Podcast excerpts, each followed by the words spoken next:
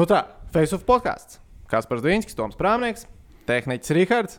Šoreiz ar mikrofonu. Jā, Tās jau ir neliela aplausa vērts, manuprāt. Tas ir labi. Es sakārtoju visu. Mums ir jauns softs. Ja?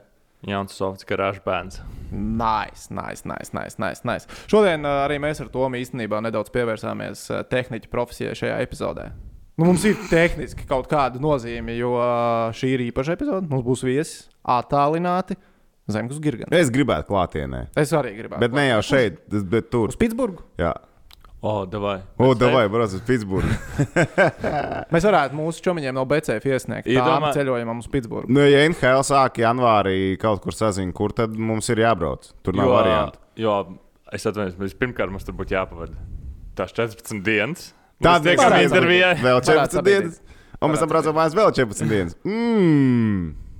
Nē, nu tā mē, tas viss jāiekļauj vienkārši. Es domāju, mēs uh, mūsu čomiņiem no BCF pacelsim šo variantu. Es Džeku negarantēju, ka viņi varētu būt sajūsmā. Nē, viņi būs sajūsmā. Ne, viņi būs sajūsmā par mūsu domu Par lidojumu. iniciatīvu, Jā, par par iniciatīvu, ka jā. mēs domājam, ka mēs sapņojam. Bet es vienkārši iedomājos, ja mēs tiešām aizbrauktu uz turieni 14 dienas, tur 14 dienas uz vietas, teiksim, nu, nu kā jāpatusē pamanīt. Tad 14 dienas vēl būtu šeit. mēnesis, ja, tur. Nu, kā, nu, jā, un tev vēl 14 dienas šeit jāatsēž, vai ne? Desmit, man liekas, tagad. ir. 10. Nu, ok, 10. Mums bērns. Es domāju, ka- es domāju- jā. Būs pamatus noteikti tajā Jā, laikā. un es domāju, ka pēc tā visa laika, iespējams, mums vairs nebūs šī podkāsta. es jau negribēju redzēt vairāk. ļoti iespējams, ļoti iespējams. Tad varbūt tāds ceļojums nav pats labākais risinājums. Varbūt, ka nevajag. Varbūt, ka jā. Mēs Katru- varētu. Bet katru dienu mēs varētu taisīt karantīnā podkāstu. Oh. Oh, no, oh, no. Un ko mēs rādījām trešajā dienā? Mēs pie Face of Shit nonākam diezgan ātri. Mēs nonākam pie daudziem problēmas. šitiem. Bet jā, šodien mēs, mums būs saruna ar Girgensonu. Mēs ar Tomu sazinājāmies ar viņu pirms, kā, pirms divām dienām. Un, nu, vēl, protams, arī ar tiem pašiem mūsu čomiem no BCF. Jā, nē, spēlīt. Pagājušās Oh. nedēļas spēle ir ievilkusies. Izgāšanās. Nu, tā nav izgāšanās, viss vēl ir procesā. Viss vēl ir procesā. Ja es būtu sakrājis visur kaut kādas kapeikas, un sēdētu gaidīt divus mēnešus, kad kaut kas no tā visa notiks, būtu vienkārši. Kurš skumīgi. varēja paredzēt, ka Lietpājā fanāriks Padzīs. nodzisīs? Un nebija jau nekāda vētra. Kas tur notika? Šoreiz tā kā nebija. Nu, jā, nu. To neviens nevarēja paredzēt. Labi, to, ka koronavīrus ietekmēs KHL spēļu kalendāru. Tas bija mēs tas, jā, jā. To mums varbūt vajadzēja pašiem paredzēt. Jā. Bet jā, tā kā būs tas, protams, atbildēsim arī uz jūsu jautājumiem, ko jūs uzdevāt mūsu Facebook grupā. Atgādināšu tiem klausītājiem, skatītājiem, kuri vēl nav Face of uh, Facebook grupai pievienojušies. Uh, Pievienojušies. Paldies. Izdariet to. Rihards ir iemetis linku apakšā zem šīs uh, epizodes. Man patīk, ka tur panesās diskusijas. Arī mēs uh, cenšamies iesaistīties uh, un iesaistāmies. Labi, labi, Tur forši, ir jā, labi, nu, labi tur komunicēt ar jums, ir ļoti forši. Mums tas patīk. Um, nu, jā, un, protams, jā, nē, spēle. Bet sākam mēs ar Rīgas dīnāmu. Mēs bijām baigi noskaņojušies doties uz arēnu, uz spēlēm, un bum, bam, bam, otrais Covid vilnis Rīgas dīnāmā. Otrais, trešais. Nu, tas ir atkarīgs. Ne otrais vilnis, bet viņš ir tāds tā kā pārlos. Nu, tāds. es neesmu redzējis pie jūras. Jā, jā, jā. jā. Šie, šie, šie ir jūras. Šis ir vilni, tā. kas Tagad nāk, jā. Bas, bet zināmā mērā man bija stāsts par. uh, par, uh, par, Par sestdienas dienu? Nē, par, par, par iepriekš. Zin, kā, kad mums jau bija. Kad nu, tagad mēs atkal bijām tās spēles, vai nedabūjuši paskatīties un uz klātienē bijuši. Bija tā, ka es biju paņēmis sen, apakaļ tādu tā mazu kastīti ar ēdienu līdzi zarēnu. nē. Un es viņu biju aizmirsis. Nu, tur, tur bija, bet te bija kas tāds, kas sabojāja tos ātri. Tas bija vēl iepriekšējā, pašā pirmajā sērijā. Un tad, tad spēle atcēla, un es nevaru aiziet nākamajā reizē savākt to kastīti. un tā kastīte tur bija pēc tam. Iedomājieties, beidzot dabūju savu kastīti. apēda? Jā, protams. Es nezinu, mazums. Tas būtu gar zemies, ja būtu apēdis. Bet, jā, principā, baigi riskēt. Neko nedrīkst aizmirst arēnā, jo tu vari to nedabūt pēc tam. Jā, tas gan. Pie tā ir tagad jāpiedomā. Nu, tagad vispār uz arēnu jau kādu laiciņu nebūs jādodas. eh, Jo sanāk, oficiāli, man liekas, paziņoja par 14. 13. piekdienā konstatēti, ko mēs uzzinājām sestdienā, un otrais vilnis svētdienā, kur līdz mums sākumā nonāca informācija par skaitli 8. Saskaitām 13 ar 8, 21, nu, respektīvi visi, kas bija Mīnskā pa lielam. Bet uh, pēdējā tagad informācija bija, ka tikai viens. Labi. Okay. Jebkurā gadījumā Dienāmo ir karantīnā, viņi tur atradīsies līdz Svēlam svētdienai. visi tur ir norāvušies. Jā, nu, Visi tie, kas nebija slimojuši, bet tas laikam bija gaidāms, ka tie, kas nebija slimojuši, tie arī noķers kaut kādā brīdī to, ka tas būs. Zinām, tiešām jāsaka, kā Krikonos var teikt, tie, kas izslimē vasarā, tiem ir reāli noveicās. Viņiem tagad Principā, sezonas sākums jā. ir normāls. Jā. Bet mēs zinām, ka cik mēs zinām, cik mēs esam redzējuši un pieskatījuši šo visu notikumu, ja, tad tās antivielas neusturās baigi ilgi. Līdz trīs mēnešiem, Ah, zem trīs ok. mēnešiem, divi mēneši, kaut kas tam līdzīgs, plus mīnus. Tā, tā pasaules pieredze. tik daudz hokeja spēles izgriezt. Jā, nu tagad Rīgas nama nākamie trīs mēneši jāplāno diezgan labi. Labi, interesanti ir tas, ka spēlēs nav piešķirti tehniskie zaudējumi. Kur mēs ar tevi īstenībā bijām uz vienotu viļņu, ka līga ir pārtraukusi, pārcelt spēles, būs tikai tehniskie zaudējumi. Interesanti, kas te kādēļ šis stāsts ir savādāks. Nepagaid, kur ir tās? Omska un Maskavas nama piekrita pārcelt Jā. spēles, tas ir viņu lēmums. Magnita Gorska Viķis jau lēmumu vēl nav. Par tām spēlēm vēl nav lēmumu. Ja? Nē, nav lēmumu vēl tur mierīgi var dabūt tehnisko zāģi. Un Viķis, es domāju, uzspiedīs uz to. Mēs atbraucām uz Rīgu, mēs bijām gatavi. Viņa jau bija Rīgā. Nu, jā, bija par- Rīgā. Es, es kaut kā šaubos, ka to spēli. Nu, Turklāt Viķisam pret Rīgu labāk. Tehniski zāģis, tālāk šitos bedrē iekšā. Maskavas Dāmas Omskā mēs esam pilnīgi pie vienas vietas. Nu, ok, izspēlēsim. Treniņu vietā varam arī uzspēlēt. Nu, janvārī tie uzspēlēs, vai ne? un tā. Par sliktu nenāks. Tā kā tā, es domāju, ka. Tad tu domā, ka ar Vīķes mums būs tehniskais zaudējums ar Magnita Gorsku. Nu, es- Bet es arī, tas, ko es vēl iedomājos, ja Vīķis pēkšņi atplaukst sirds un viņi saka, nē, ziniet, hokejs ir laba lieta, vai ko nospēlēt to spēli. Man liekas, tās spēles drīzāk būs izbraukumā. Jā, tā viņi pieņems. piekabi- Mēs, ne, mēs nečakarēsim. klāt, uh, Tā kā Jokarits ar. Kazaņu. Tā kā Jokarits ar Kazaņu. Viņiem bija plānota mājās, viņi spēlēs, viņi beigās uh, izbraukumā. Nu, ok, nu tā, tā arī var, nu spēlēs. Atkal starpība tajā, ka varētu būt, ka Maskavas apgabalā neļaus līdzutējiem nākt vispār. Vispār. Tad atkal viņiem nebūs pat interesanti savās mājās viņa taisīt. to Bet tas likums šobrīd Krievijā, es viņu baigi virspusē paskatījos. Es arī Tas, ka viņš ir Krievu valodā, tas rada vēl papildus problēmas. Tas Man. ir vēl virspusē. jā. Tas ir vēl virspusējāk, tas ir virspusē kvadrātā. Es saprotu, ka vispār sports ir aizliegts. Nu, ķīpa. Tas ir tā kā šobrīd Latvijas amatieru sports. Ir Nu, es domāju, ka drīzāk. ķīpa aizliegts. Jā, jo publiskās lidošanas ar nūjām ir visur. Tas ir ļoti interesanti. Tas ir vi- labi, visur tas man notiek. Patīk, ko tu man izstāstīji. Publiskās lidotavas ar nūjām visur notiek. Tas ir kosmosa kaut kāds. Bet patiesībā, nu, tā ko tu vari izdarīt? Publiskās lidotavas ar nūjām. Tagad ir publiskās lidotavas ar nūjām. Bet tas tad, kad notiek. es gribu aiziet uz to publiskos lidošanu, Nē, nu, vietas, nu, tur jau ir limits. Nu, tur ir limits. Jā, tur ir limits.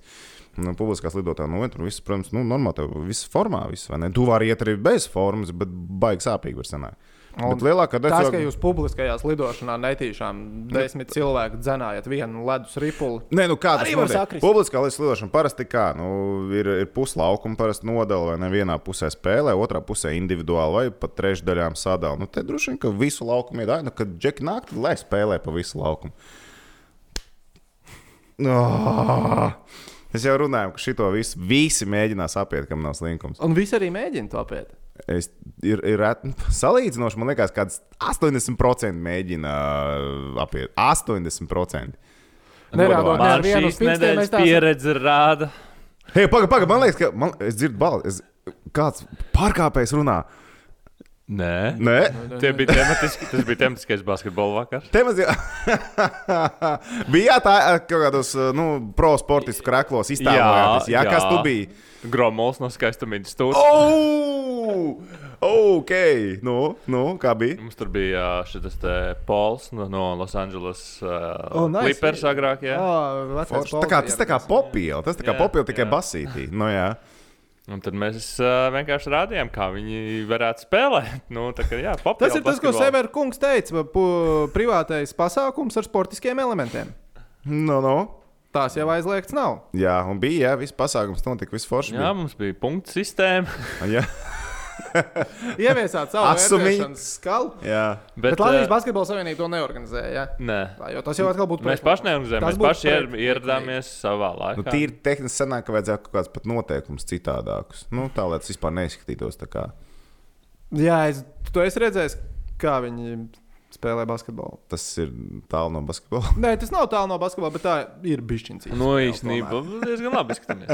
bet, uh, bet tajā zālē nākamajā dienā Nu, bija Jau bija ģērbtuves- problēmas ar tematiskajiem pasākumiem. Jā, ģērbtuvs jau ciet. Pagaidām, vēl- jūs ar ģērbtuvēm bijāt tematisko Tas jau pasākumu. ir slikti. Ja jūs bijāt, ja tu biji uz Nē, tematisko ģērbtuvē mēs, ne, pasākumu mēs bijām dušā. Ģērbtuvē mēs nebijām. Pagaidiet, duša nav ģērbtuve.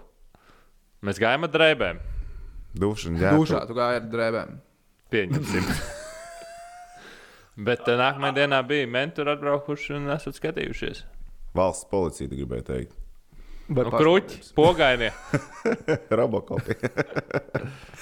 Es tikai, kas vēlos, no- es kas tikai notika? vēlos pieminēt, ka es šajā tematiskajā vakarā nepiedalījos. Jā, Nē, nu, kas redzēs, nu, ko, vai, vai tematiskais vakars nākamā nedēļa būs, nebūs. Jūs tās ir regulārais tematiskais vakars, vai chroniskie kaut kādi šitie te. ja? Nu, taču punktu sistēma. Nu, Labi, bet šajā stāstā, piemēram, ja tiek sodīts, man, manuprāt, ir jāsoda tematiskā vakara mm, zāles īpašnieks. Ja kāds tiek sodīts, Zāles īpašnieks? jā. Vai ja viņš izīrē? Nu, savu nekustamo viņš, nezinu, viņš, īpašumu, uztica, viņš uzticās. bet viņam būtu jānes atbildība, manuprāt, par nu, to, kas tur notiek. nes atbildību par to, vai cilvēku maskās iet viņā iekšā. Man liekas, ka vakar valdībā tā, kaut kas Jā, tāds pieņēma? Ne, nepieņēma, bet vismaz tāds jautājums pacēlās, ka veikaliem arī vajadzētu ieviest atbildību par to, ja cilvēki nav Nu, es maskās. salku tos kuršos gan arī veikalā, netiks aizmirst masku un nācies iet apakaļ uz mašīnu. un nē, nu, Citur mierīgi. Okay. Nē, nu, pieņemsim, depotu arī nevar iekļūt iekšā, neklausot viņas noteikumus, bet visur citur. Ok. okay. Nu, nu, varbūt Tā, visur vajag šo depo sistēmu. Kas par kaut ko sērčo šobrīd? Nē, es internetā? nevis sērčoju, man vienkārši izlogojās dators ārā, un es sabijos, ka es netikšu atpakaļ, jo es to paroli tik viegli neatceros, bet viss kārtībā. Nākamais Bet labi, tas, ko mēs sapratām, tematiskie pasākumi ar sportiskajiem elementiem uh, turpinās. Visu zūrā notiek. Gan or oranžās bumbas spēlē, un Es domāju, līdz brīdim, ka kad tas cipars būs laika 200, tad arī viss tā teiks, tematiskie vakari varbūt arī jābeidz. Ne. Tā, Ja tā, redzēs, ka tavā galvā tā robeža ir 200 dienā. Ja? Es domāju, ne, ne jau manā galā. Nu, mūsu galā jau tur ir atbildīgāki cilvēki, kas jau nu, nenāca arī. Nu, nu, tu vispār neesi nevienu bijis tematisko vakaru. Arī, Pat tad, kad tas nebija legāli. tematiskais vakars, pat bija, tu nebija. Bet nu, mums bija spēlētājs, kas jā, teica, ka nu, Džeki, Nē, manuprāt, tas ir Draudzējieties ar Es teikšu, galvu. godīgi, es teikšu, godīgi mana attieksme arī ir tāda. Nu, nav forši, es saprotu, tas ir diezgan lielā dirzā, ka nu, uz bāru es varu iet buhāt un pofīgi ar ko, bet kamēr nu, aiziet ar saviem čomiņiem. Tematiski pasportot es nevaru. Tas ir slikti. To es saprotu. Bet nu, līkums tāds ir. Es esmu Āleģis bijis tāds diezgan paklausīgs un nu, mēģinu ievērot, cik nu var. Un šito es varu ievērot. Man tā vismaz liekas, tehniski. Jā. Ievērtīt matos. Nē, nu, vienkārši es nesaprotu par tām ģērbtuvēm, vai kas notiek, pieņemsim, kādā maija fitnesā. Man liekas, ka tur dušas ir cietas. Es nezinu, esmu čalu rīktīgs. arī neesmu bijis. Un tas ir vienīgais, jo, nu, labi. Nu, Tie, kas, tie mūsu klausītāji, skatītāji, kas iet komentārā, lūdzu, ierakstiet, kā šobrīd notiek uh, svaru zālēs. Uh, nu, vai jūs sauniņā tiekat iekšā vai kas tur-? Kā, kāda ir reālā dzīve tur šobrīd? Lūdzu, kāds uzrakstiet, jo man Man liekas, tur nekas nav mainījies. Nu, Nē, man nē, patiešām nu, grupa, es saprotu, ka Nu, grupas grupa ir nodarbības attālināti, bet uh, kas tur notiek tam ģērbtuvēm tieši no individuāli, ka tu tur aizēji, nu, ķip, nu, labi. Nu, nu, individuāli tu tur arī. Starp citu, tās grupu nodarbības es zinu, ka arī mm, mēģina apiet, neapiet. Nu, tev grupu nodarbība turpinās. visu tu aizēji, zāli vienkārši Tev iedod vienkārši, nu, tev iedod uz lapiņas izdrukātus vingrojumus. Nu, un tev cilvēks divu metru attālumā dara to pašu, un tad ir viens, kas tā neitrāli staigā. Sauksim viņu par treneri ja, šajā stāstā. Un nu, uzmet acis Par tā- apkopēju. vai, vai viss ir tīrs? Viņš noiet pastāstīt. Jā, viņš vairs nav treneris, viņš ir varbūt Ek- tāds. Viņš dara kaut ko citu. Viss vai ne? Viss tieņi notīrīt. ir, Pats ir pildi arī tīri. pieskatējis, pozu pieskatējis. Ve veselība, lai cilvēki nesabojā par veselību muguru. Tomēr, nu, tas ir kā, nu, vieta, kur var savainoties ļoti vienkārši. Jā, bet nu, katrā ziņā pats galvenais šajā laikā novēlēsim visiem veselību. un Jup. Es ceru, ka draudzības netiks izjauktas. Jo sociālajos tīklos nu, tie viedokļi ir nu, tik galēji tur un tik galēji tur arī it kā tuvu draugu. Ierakstiet komentāros, cik Kopā? daudz uh, draugu Facebookā komentāriem tas uzlicis unfriend. Unfriend, unfollow. Viss. Es, es, es pagaidām pieturos pie tā, ka es vienkārši unfollow. Nu, tā, ka, nu, es negribu. Es negribu Mjutot, tev, tev, mjutot. tev ir savi, savi tarakāni. Tā tur pie sevis. Okay, bet atgriežoties pie kopējiem tarakāniem, Rīgas dīnāmā komanda.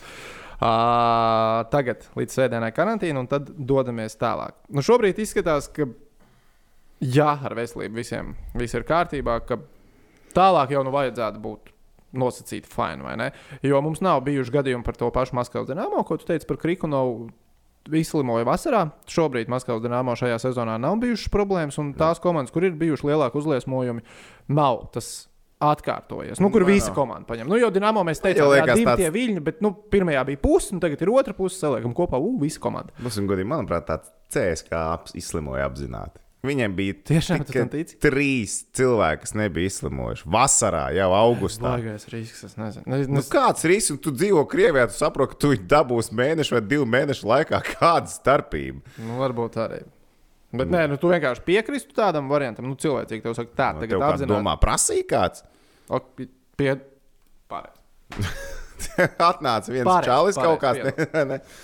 Pareizi. Nu. Centrālais, centrālais sporta klubs. Nu, jā, jā, jā. Es domāju, ka Kur tur baigi nevienam neko neprasīja. Nu, es teicu, tā ir tāda varbūtība. Nu, kā, nu, izslimo, izslimo. Nu, Ir jau tā, tā teorija, kas pastāv, nu, ka, ja tu, tev ir D vitamīns līmenī, tad tev ir nu, mazākas tās komplikācijas. Un kas, nu, ja tu laicīgi uzskačā visiem leveliem, viss ir kārtībā, tad jau nu, var cerēt uz to labāko. Neviens neko tev nevar garantēt, bet, nu, Labi, tagad es domāju, mēs ķersimies klāt uh, Facebook podkāstu uh, grupas jautājumiem, kur tika ierakstīti. Jo es pārskrēju pāri tur lielākā daļa arī ir par Rīgas dīnāmo. Tāpēc, nu, lai nebūtu tā, ka mēs sākam runāt un pēc tam pārlasot jautājumus, ir tieši tas pats. Iesim cauri jautājumiem, tom, un tad, ja mums būs vēl kaut kas, ko pateikt, tad pateiksim. Uh, tā tad uh, Ilmārs Lankovskis jautā, vai ir jēga turpināt sezonu vispār, ja nepārtraukti ir divu nedēļu karantīna. vairs jau nebūs. Mēs jau tikko minējām. Nu, tagad ir izslimots, nu, plus mīnus. Nu, mēs tā uzskatām, ka nebūs. Tas ir tas, ko. no, kādu laiku Pēc Pēc nebūs. Nu, pasaules pieredze rāda, ka tuvākos divus jā. mēnešus vajadzēja būt spēlēm. Okay, tagad ir jākrāj punkti fiksi, vai nu tagad, vai nekā nebūs. Līdz Ziemassvētkiem viss ir jāizdara. Nu, es domāju, ka spēlēs. Nu, bet jau mēs redzam, ka visu līgu spēlēs. Nu, ko tu apturēsi to sezonu? Nu? Jā, to, ka. Kūleņot tālāk. Kā HL turpina kūleņot? Kā domā, vai beigās būs kāda komanda, kas nebūs izslimojusi? Es neticu. Kura nav dabūjusi Covid? Nu, vai būs tāda komanda, kurai mm, nebūs tāds brīdis, ka. Nu, Respektīvi, vai būs komanda, kurai visas sezonas laikā nevienā brīdī arī pieņemsim vairāk par desmit spēlētājiem, vairāk nav bijuši nost ar Covid vienlaicīgi? Es domāju, ka nē. Es domāju, ka viss izies tam cauri. Jo Izies. tā Ceļošana. Ir interesanti Nu. no. lieta, piemēram, to pašu Jokerita komandu. Atcerieties, kas notika ar Pēterburgu, kad viņi spēlēja Nižņikāmsku. Visi nobira. Pie mums nespēlēja Jā, Nižņikāmsku. jā, jā. Vai ne? Ai, Jokeritam kāds nobira? Nē. Nope. Jo arī Mm. paši sabi ir par tam uru. Nu, viņi abi ir pret tam mūru, bet, ne, bet vai Jokerita spēlētājs jau nebija tās augtās antivielas iekšā? Bija. Nu, lūk. Droši vien, ka bija. Nu, lūk. Nezinu, pats asins tests nu- nevienam neveic, bet man ne. liekas, ka bija. Es neko no tā nesaprotu. Bet... Mārcis Voits jautā, vai ir ziņas par vārdsargu līnijas papildinājumu. Man liekas, ka tieši šobrīd, šajā nedēļā, ir ne mazākajā mērā neviens nekustina kaut ko par papildinājumiem. es domāju, Jo ka tieši... atbildīgie cilvēki mm, nav veseli. Teiksim, mm Mhm. -hmm. tā. Un man liekas, ka tur prioritāte šobrīd ir sava veselība. Es uh, nedomāju, ka šobrīd tiek aktīvi strādāts pie kaut kāda papildinājuma. Bija trīs varianti iepriekš, kas Jā. Varētu nākt. Bija Kazaņas uh, trešais numurs, plus mīnus kaut kāds. Uh, tad bija variants no Somijas un Čehijas. No, no Somijas es biju dzirdējis, Čehija vēl kaut kur figurēja. Un, uh, patiesībā, ja ir kāds, kuram ir dots uzdevums, varbūt tur kaut ko sazīmēt šajā visā sakarā, jo mēs jau nezinām, kāda ir situācija ar vārdsargiem. Mēs jau slimos spēlētājs nezinām, kur ir saslimuši, kur nav. Mēs vienkārši pieņemam, ka tie ir vismaz 80% komandas. Un iedomājies, ja tev ir apvārdsargi. Jo apvārdsargi nebija slimojuši iepriekš. Mm -hmm. Tāda, ko mēs darām pēc 24. datuma. Ceram uz to labāko, vai nāk iekšā Tad Es domāju, ka turpinās meklēt. Es domāju, ka tagad kaut ko mēģinās sazīmēt, un mēģinās sazīmēt A variants. Ātri, jā. Krievija. Tad ir kāds Krievijas vārdsargs, kurš uzreiz var pievienoties komandai, Jā, kurš ir tur šobrīd. Nu, ne, viņam nevajag varbūt Krievu pasu. Viņš Ļoti iespējams, ka tu- Soms, kurš vienkārši šobrīd ir Krievijā un bez kluba. Ļoti iespējams, ka kaut kas tāds notiks. Jo mēs nezinām, kur ir saslimuši, un, ja ir tiešām vārdsargi, tad kaut kas būs jādara. Tad domā, ka. Varētu būt vēl viens Krievijas vārtos. Ok, labi. Bet. Bet tad tu domā, tas ir vēl viens Krievu vārdsargs, uz kuru mēs skatāmies visas sezonas kontekstā, vai tas ir kā emergency goalie? Es domāju, šobrīd tas ir emergency goalies. Kurš, ar kur var būt noslēgts līgums uz vienu mēnesi? Jā, tā kā pagājušo sezonu ar Kuldu uz mēnesi noslēdz līgumu, vai ne? Kuldu nospēlēja, aizbrauc projām. Kas joprojām bez darba. Varbūt kādam vajadzētu viņam piezinīt. No Dienāmo? Jā. Ir daudz cilvēku, kuriem varētu vēl fiks piezīmēt. Piezvanīt, ir, ir daudz versijas, kam piezvanīt. Uh, labi, vai šajā saraustītajā sezonā nevajadzētu atbrīvot leģionārus un ļaut pēc iespējas vairāk jaunajiem hokeistiem spēlēt to Gins Urbāns prasa? Es domāju, ka nē. Nekādā gadījumā. Nu, ja tas mērķis paliek cīnīties par vietu izslēgšanas spēlēs, Tagad, kad tu esi izslimojis, Līsa komanda vēl ielikt jaunos iekšā, kas tūlīt slimos vēl. Ok, labi, Hakā arī kā arī tur visi saslimuši. Bet uh, priekš kam? Mēs redzējām, ka lokomotīva bija reāli labs hokejs. Pat neskatoties uz visu to, ka liela daļa bija atnākusi atpakaļ pēc slimošanas, ka viena daļa trešajā periodā izslēdzās ārā. Bet tā spēle jau bija ok. viņi bija jau slimi. Ļoti organizēta. Jā, starp citu, viena daļa jau bija apslimusi. Uh, spēle bija ļoti labi organizēta. Man, man tā, tā spēle reāli iedeva cerību. Man liekas, Ulas Viķis būs interesanta. Es, uz, es, No es, game, es jau no kāpu game. mašīnā, lai brauktu uz Rīgā, kad es saņēmu ziņu Vācijā, eh, paliec Siguldā. Jau, oh, Nu, bija labi, long day. Jā, man liekas, ka nu, jaunajiem arī. Ne, man liekas, ka ir super jēdzīgi, piemēram, tieši no jauno hokeja skatu punktu tagad nospēlēt. Nu, ja mēs iedomājamies, ja šajā jautājuma kontekstā tas ir, mēs liekam, HK Rīgas sastāvā vienkārši kā HL spēlēt. Nu, tev kā jaunajam hokeistam baigā jēga no tā būs ierīt. Labāk ir sezonu. mazas minūtes, tu spēlē, tu ienāc iekšā tajā spēlē, un tu apbružājies, un tu esi gatavāks ar katru spēli. Nevis tu aizies, nospēlē savus 11 minūtes, normāli dabū pa pēcpusdienu, un neko neesi palielinu dabūjis tajā mačā. Uzspēlēt, jo tu visu laiku esi dzīvies pakaļ ripai. Toms uh, Zīmets jautā, jautājums, kurš arī panesa diskusiju diezgan aktīvi mūsu uh, Facebook grupā. Vai Dienāmo paliek uh, mājas spēles Rīgā, vai tomēr jāpārceļas uz Krieviju? Kā mūsuprāt būtu jādara? Kā būtu Kā jādara? būtu jādara? Nu šeit ir atkal jautājums, uz kuru var, mēs varam paskatīties dažādi. Mans personīgais viedoklis.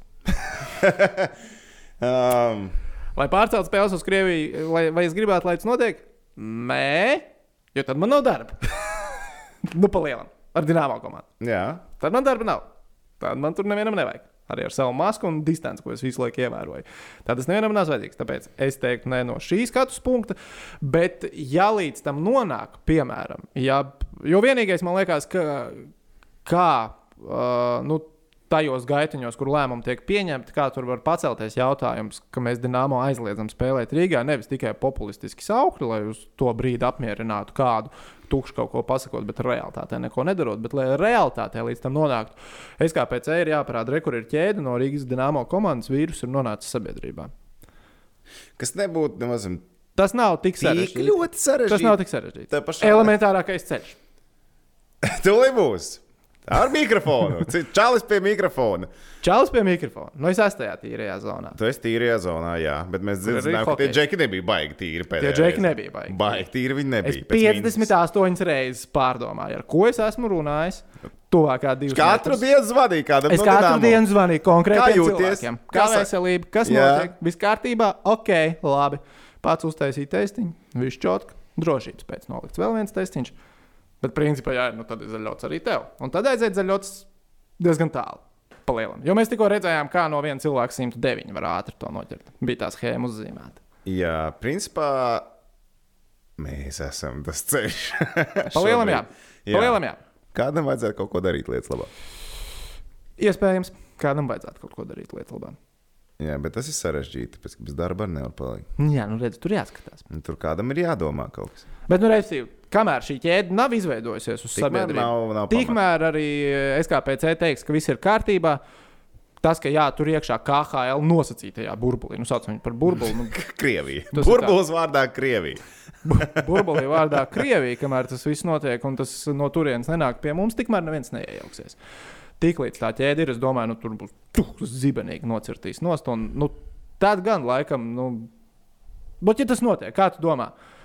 Viņi vienkārši izstājās no čempionāta, vai viņi ātri atrod variantu Krievijā? Es domāju, ka ātri atrod Nu, tad, variantu protams, Krievijā. ātri atradīs variantu Krievijā. Tur ir kur spēlēt. Nu kā ir vēl tas Sputniks 5? Kas? Sputniks 5. Vakcīna. Jaunā vakcīna. Tā ir jau otrā. Tāpēc, vai kurš noģībst, vai Tur visādi blakus Tur esat. tur ir baigi. Es nevaru saprast, tā ir narkotikas vai tā ir reāla vakcīna. Bet, ā, ne, cik, no sportiskā viedokļa, Dienāmo tagad par, par katru cenu vajadzētu pieturēties pie mājas spēlēm arēnā Rīgā. O, jā. Jo brauks cits komandas, un tur gan varētu būt pie mūsu nepareizajām mm, šitām visām analīzēm un testiem. Tur kritīs vairāk pēc Krievijas perfekti veiktajām analīzēm. Nē, nu vienīgais, ka man liekas, ka tur lielākā daļa tāpat jau ir izslimojusi. Nu, ja mēs Nu, kā mēs divus, Mīnskā nebija īstenībā Mīnska. Tur bija viss pēc kārtas. Nu, labi, tagad, Mīnskā protams, ka visi noturēsies vairāk vai mazāk, bet nu, mēs jau atkal runājam par tām antivielām, cik viņas ilgi turās, ko, mm. tēmas, kuras mēs nepārzinām. Bet Redz, pieņemot- vēl viena interesanta īstenībā lieta uh, ir par to, kā tie sportisti atgriežas pēc tam. Kā viņiem ir ar to uh, veselību. Jā, tas ir labs jautājums. Uh, jo nu, man izdevās ar Dūmu papļāpāt. Viņš teica, ka nu, tur ir jāpievērš uh, ārstiem uh, bišķiņ sīkāk tā uzmanība sportistiem, kas nāk atpakaļ pēc Covid. Ir piemēri pasaulē, kur ar sirdi rodās problēmas. Nu, vispār, nu, tas ir cilvēks, kas ir reāli tikko slimojis. Viņš nevar uzreiz bām atgriezties. Mm. -hmm. Pastāstiet, Hoķītī Dienaburgā pateica, mēs neesam gatavi spēlēt. Jā, mēs izslimojam. Gultā tagad ceļās kājās, dāvā spēlējam. Tā tas nenotiek. cita labā fiziskā forma. Nu, nav, nav, nav arī jēga tam. Nu, jā, tā, tā ir vēl viena lieta, jāpievērš ļoti liela uzmanība tam. Bet, ja par tām mājas spēlēm, noteikti domāju, Rīgā jāpieturās pie turēšanās. Tepat viss notiek, spēlējam mājās, un uh, lai tā ķēde neaiziet tālāk. Bet, jā, atradīs variants ātri, lai nonāktu citur. Nu, ja vajadzēs, tad atradīs variants, lai spēlētu citur. Okay, tā, Matīs Lauzes jautā, vai ir kādas ziņas par papildinājumiem. Es domāju, ka Skudram neizdosies dabūt uz īri NHL hokeistu, ja ir šādas problēmas ar Covid. Uzskatu, ka vispār KHL klubiem nevajadzētu uz īri ņemt NHL klubu hokeistus, jo tāds bardaks ir neizturams. Sezonas turpinājumā uh, idejas. A sezonas turpinājuma idejas, jo neuzskatu, ka būtu jēga turpināt pēc katras reizes, kad atgriežas no izbraukuma, tā uzreiz karantīna. Nu, redz, mēs, ne, mēs pieņemam, ka nebūs tagad pēc katra izbraukuma karantīna, jo Citu komandu pieredze rāda, ka vairs Jā, nebūs. kad uzreiz uh, nākamais vilnis nenāk virsū. Par papildinājumiem no NHL. Nu, redz, Balčers tagad atgriezās Norvēģijā uz savu klubu. Pirms tam tur kādā brīdī skaļāk, kādā brīdī klusāk tika runāts par viņu piesaistu uz uh, Rīgas dīnāmo komandu, kas nav materializējusies. Tas pats bija par Kīvlinieku, tas Bet nav materializējies. Stavangarā viņš jūtās kā mājās. Lielam Viss ir viņa mājas. Nu, Tas ir viņa Norvēģija. Man tā. liekas, es iespējams kļūdos, bet man liekas, ka es esmu lasījis interviju ar Balceru. Kur viņš teica, ka tajā brīdī, kad viņš galvā kaut ko domā, tas biežāk notiek um, norvēģu valodā. Vāks, ne? Nu, kāpēc vāks? Nu, viņš tur Kā viņš laika pa lielam mainās. tik ir uzaudzis. Tur. Nu, plus mīnus. Bet vienalga ēst. Liepājas. Man visi nāk no liepājas. jā. Uh, jā, kas ir ar tiem NHL džekiem uz īriju, uz KHL? Tā Tur labi džeki nāk, jā, tur Nāk, labi džeki nāk. Man liekas, tie ka tās- krievi tikai. Man liekas, ka tā šosei būs noslogotāka. Nu, ko tu, tu gribi tur savākt? Nu, ne, ne, Vecīt. Tortons spēlē Šveicē. jā, Šveicē. Kāpēc ne Magnita Gorskā? Covid. Covid. Tad, Šveicē nav Covid? Ir. nu, Šveicē ir Covid, bet kaut kā ir sevi, ka tas burbulis mazāks var strādāt labāk nekā liels burbulis. Un Šveices burbulis varētu būt Šveices burbulis. Jā, nu, tur man liekas, arī vajag individuāli jāskatās, ko katrs hokejists uzskata par prioritāti. Viņš grib tiešām Lielo kāpostu Viņš vai grib viņš kāpostu, vai viņš grib praksi, uzturēt Jā. savā formā, viņam pietrūkst hokeja, un viņš kaut kur zina, ka viņš jutīsies ērti. Tu gribi praksi, tu gribi justies ērti, tu brauc uz Jo man liekas, Dievs ir mans liecinieks. Ja jautāt NHL hokeistiem, nu, jau sevi pierādījušiem un tādiem, kuriem komforts ir diezgan svarīgs, tu gribi uz Šveici vai tu gribi uz KHL, cikos ir reizes. Protams, nu, bet skaidrs, ka Šveicē gribās spēlēt. Ja vien tu neatgriezies mājās, kā tas ir ir burvīgi. burvīgi. Ja tu tad zini, ka tu ģimenē nebūs tuvumā. Jā. Bet uh, Rīgas dīnāmo kontekstā es diemžēl neticu, ka būs kāds tāds papildinājums. Es ļoti gribētu. Es domāju, ka nebūs. Jā, nav īsti pagaidām argumenti, lai tas notiktu. Tā, tad uh, Artis uh, jautā, vai Čeļābinskas traktori nav nošpikojis no Rīgas dīnāmo dizainu, noformējuma logotipam. Jo dīnāmo pirmais tādu uztaisīja. Rihard, Un uzreiz tev jāpiesaistās, traktoram. kā mūsu meistars dizainers. ā, Cik ilgi tādā normālos projektos, cik ilgi parasti top dizains? Dizains, nu, tas var būt, kā es saku, tas var būt desmit minūtes uztaisīts. Bet tas ir ideja, kas ir materializējusies, bet tas tikpat labi var būt ilgs process, un pēdējā brīdī, desmit minūšu laikā, tu uztapini kaut ko. vai ne? Arī jā. Nu, jā. tas ir liels process tādā ziņā. Bet šādi projekti ā, bet ja parasti- mēs skatāmies pieņemsim, uz līgas kontekstu, nu, apstāmies to pašu NBA, NHL, nu, tur pārstrā ir tas viens feelings, kas ir cauri jūtams, tas pašs dizaina līnijas, kas aiziet. Tas vienkārši ir kaut kādīgi visi vienojušies, vai nu, kaut kādīgi inspirācijas vienāds bijis. Tendences. Tendence, ka tas pavelk līdzi un viss. Un tas nav tā, ka vienam bija ideja un tagad viss pikos. Nu, nav tā. Nu, mēs, redz, mēs katrā līgā redzam, ka kaut kas atkārtojās. Nu, lūk, un nevis no Rīgas dīnāma, bet no Mīnskas dīnāma cilvēki ņem šo ideju. Viņi iesāk tās lielās rebranding tendences. Jā, uh, tā, Kristēram ir vairāk jautājumu, uz diviem mēs jau atbildējām, bet viens ir, uh, vai ir ziņas, kāda spēlētāja Dienāmo ir inficējušies ar Covid konkrētu uzvārdu. Mēs nezinām. Nu, jauniem nezinām. To, tos, tos mums... Paskatieties, spēļu sarakstu, kas bija spēlē Minskā un padomājiet. Jā. sastāvā, paskatieties, Minskā. Kuri spēlēja Minskā? Tas, tā, tas ir labs hintiņš, man liekas, šajā stāstā. Tad ir vairāk jautājumu par NHL, ko man liekas, mēs varam formulēt vienā domā, kā pagaidām NHL tirgus. Ir kaut kas tev pārsteidzis. Arī par īrēm uz Eiropu. Ja Tortons, piemēram, uz Šveici, tas man pārsteidz. Normāli, bet veicīt Tortons. Tortons, Toronto Maple Leafs, tas arī man pārsteidz. Tas, es tev atsūtīju to joku par to, ka viņš ir pārāk vecs, lai spēlētu tālāk kā pirmo kārtu, tāpēc viņš izvēlējās Toronto, kas stabili izlidos pirmajā kārtā. Labi, Džek, tā nebūs. Varbūt, būs, varbūt nebūs. Pagaidām viss ir diezgan interesants. Viss vārds ir pārējais, tas ir superīgi. Tas ir superīgi. Bet tur jau, zināmā mērā, tas viss ir iepriekš sarunāts, izrunāts, un tad vienkārši viss aiziet tālāk. Tur tas nekas nenotiek tāpat vien. Man liekas, no Latvijas uh, līdzjutējas skatu punkta Tas interesantākais papildinājums uz Pitsburgu, vai ne? Kapanens. To arī tā aizstāsta pirmā māja, varētu būt laba. Čelītka. Tā būs izteļ. interesanti pirmā māja. Krosbijs, Gencels, Kapanens. Jā. Tā ir, ka tu, nu, interesanti. Jaudīgākā māja līgā? Nu, nē. Man liekas, nu, redzēsim, vai viņi beigās vēl noturēties. Man liekas, Makdēvis. Jā, tā būtu tā jaudīgākā. Tā jebko klāt, un tā ir jaudīgākā māja. Bet, uh, bet, bet, bet, bet, bet kas man liekas vispār šajā stāstā visinteresantāk? Nevis NHL, bet tas, ka Edmontons burbulī, kas jau bija uzorganizēts, Ket? būs U20 čempions. Oh. Grande, grande. Nu, ragazzi, neviens no elites nelido ārā. Jā, cik stulbi, ka pagājušo gadu musējai nepacēlās. Ej, tu nost, Edgars Lūsiņš, bāc, tu biji komandā. Es vainīgs. Vispār. Kur ir globālā pandēmija, kad viņu vajag? Tajā gadā, kad mēs esam elitē. Vai ne? Bācis vāks vienkārši. Nu, vot, kā, bet tas būs interesants turnīrs. Oh, es esmu noilgojies pēc izlašu turnīriem. Es sēdēšu naktīs, godavārds sēdēšu naktīs augšā un skatīšos, kā nākamais kādrs. Jā, šito, šito, šito es dzirdēju, starp citu arī. Tad, kad e, Kanādā burbulis sākās, es katru nakti skatīšos NHL. Pēc divām dienām skaties, spēlē. Nē, es cēlos uz ziņām un skatījos. Nu tad, jā, tad jau ir darbs. Mēs tur neesam aizrunājušies, baigi. Zemgus jau neklāvē pie durvīm.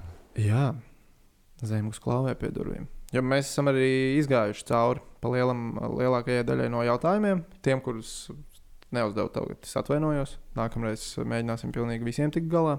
Tā kā atcerieties, pierakstieties Facebook, FaceOff podkāstu grupā, uh mhm. -huh. un tur diskusijas veidojās. Bet tagad turpinām par NHL. Uh -huh. Zemgus Kirkens. Nu, Tātad, kā jau ar to teicām, Facebook šonadēļ sadalās pāris daļām, un viena no daļām ir Zuns. Naudīgākā sadaļa, es domāju, šajā nedēļā, jo mums Zemgus Girgensons pievienojās. Čau, Zem! Čau, čau!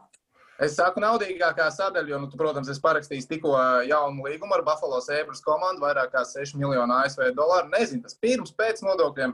Varbūt paprasīsim tev. Man bija plāns, ka jāsāk ar bērnu šampānē, tā kā jākorķē vaļā, lai mēs varētu svinēt kopā ar tevi, bet tā kā bija gara diena, un rīķi man bērnu jau ir aizgājis.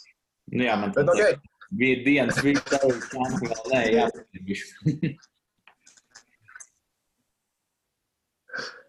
Zem, klausies, es tev uzreiz prasīšu, nu, līgums ar uh, Buffalo. Saki, cik daudz opciju tev bija kaut kur citur, jo mēļoja, ka interese par tevi šajā starpsezonā ir diezgan liela. Nu, šogad ir interesanti, ka bija tā, ka uh, nebija tas interviju process. Parasti ir 1.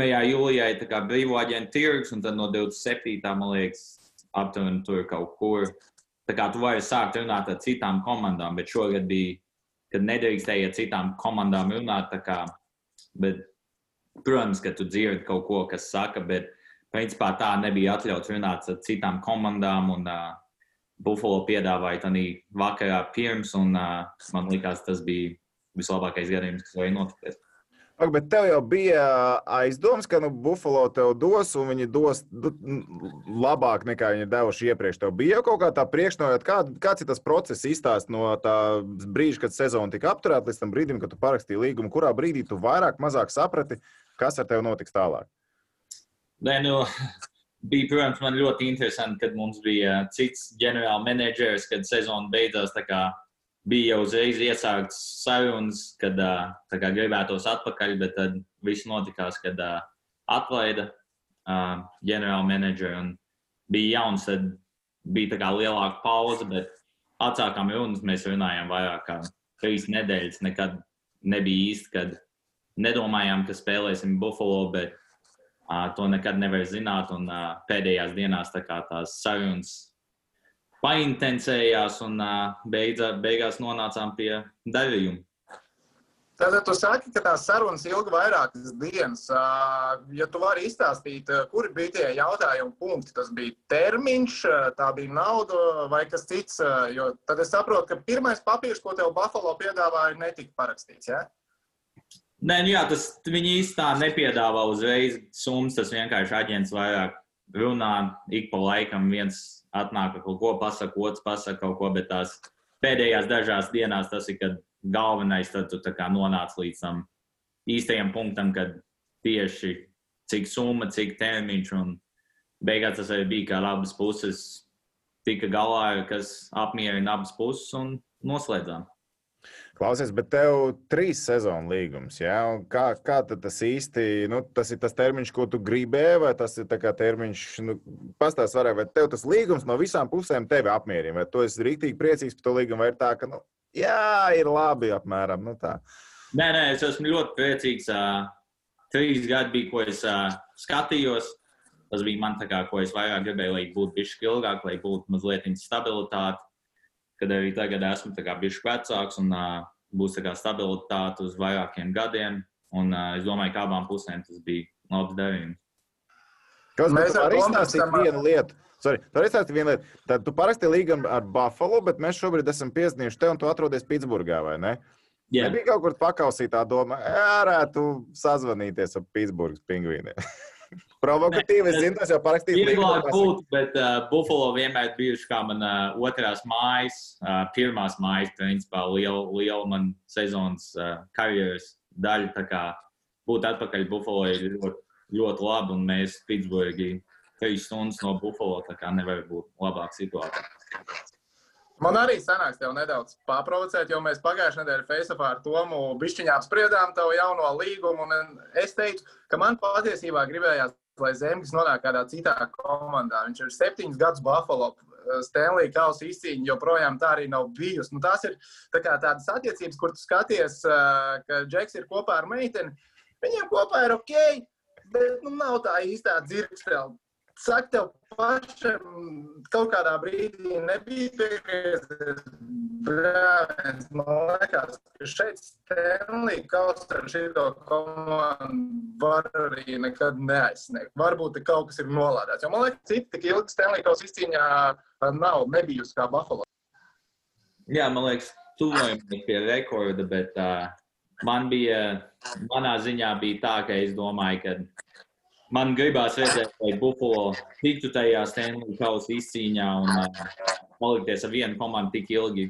Nav viegli NHL, tas ir vairāk tā kā goda pūta komanda. Un uh, gribētos lai Buffalo varētu sasniegt to Stanley Kausa izcīņu.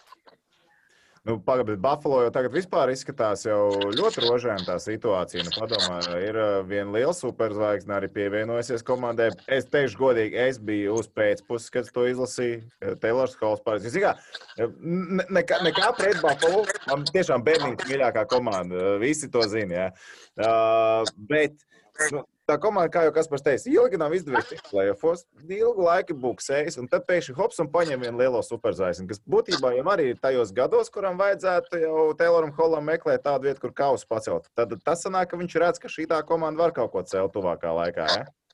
Jā, jā, īpaši ar viņa pievienošanos, man liekas, mūsu komanda šobrīd ir ļoti stabila. Kad, kad būs nākamā sezona, to, to vēl redzēs, bet es domāju, ka mēs esam ļoti labā situācijā spēlētāji. Klausies, tagad kas arī- man liekas, ka tev kaut kāda baigā aiztur tam tavam internetam, ja tev baigi, ka tu lec kadrā iekšā. Es nezinu, kāpēc. Tev Nokia 3310. Jā, vecīt. Džeki, jūs jau esat tikai lielpilsētās. Es tepat no laukiem vienkārši esmu pieslēdzies. Nevajag braukt uzreiz virsū šitā internetā. okay. Pēc, pēc tam cerams, ka varēs montāžā kaut ko arī saglabāt. Bet uh, tu zini, ka jau ieskatēji, ka Buffalo ir jauns ģenerālmenedžers. Tev ar viņu tātad, nu, ir bijis kontakts līguma parakstīšanā. Nu, viņš izskatās agresīvs, Džeks, ja viņš dabūtu Taylor Hall komandā. Tu vari viņu īsti noraksturot. Uh, Kevin, es jau lielāku laiku esmu zinājis, viņš ir bijis Buffalo. Viņš uh, strādāja gan blakus Harbor centrā, tur, kur uh, tā kā mums treniņš zāle un uh, ledus laukums. Viņš bija viens no galvenajiem tur. Viņš uh, Buffalo Sabres ilgu laiku. Ir ļoti respektēts cilvēks Buffalo. Visi viņu zina. Un, man liekas, ka viņam ir iekšā, lai varētu uztaisīt labu komandu.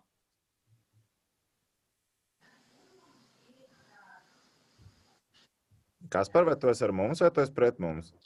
Es esmu ar jums, es esmu ar jums. Prieks. Man patiešām te, te internets vienkārši sāk arī. Bišķiņ jūs pazudāt uz brīdi, bet uh, Bērnu pagaidām mūzikas sāk skatīties. Ja? vēl nē. Vēl nē.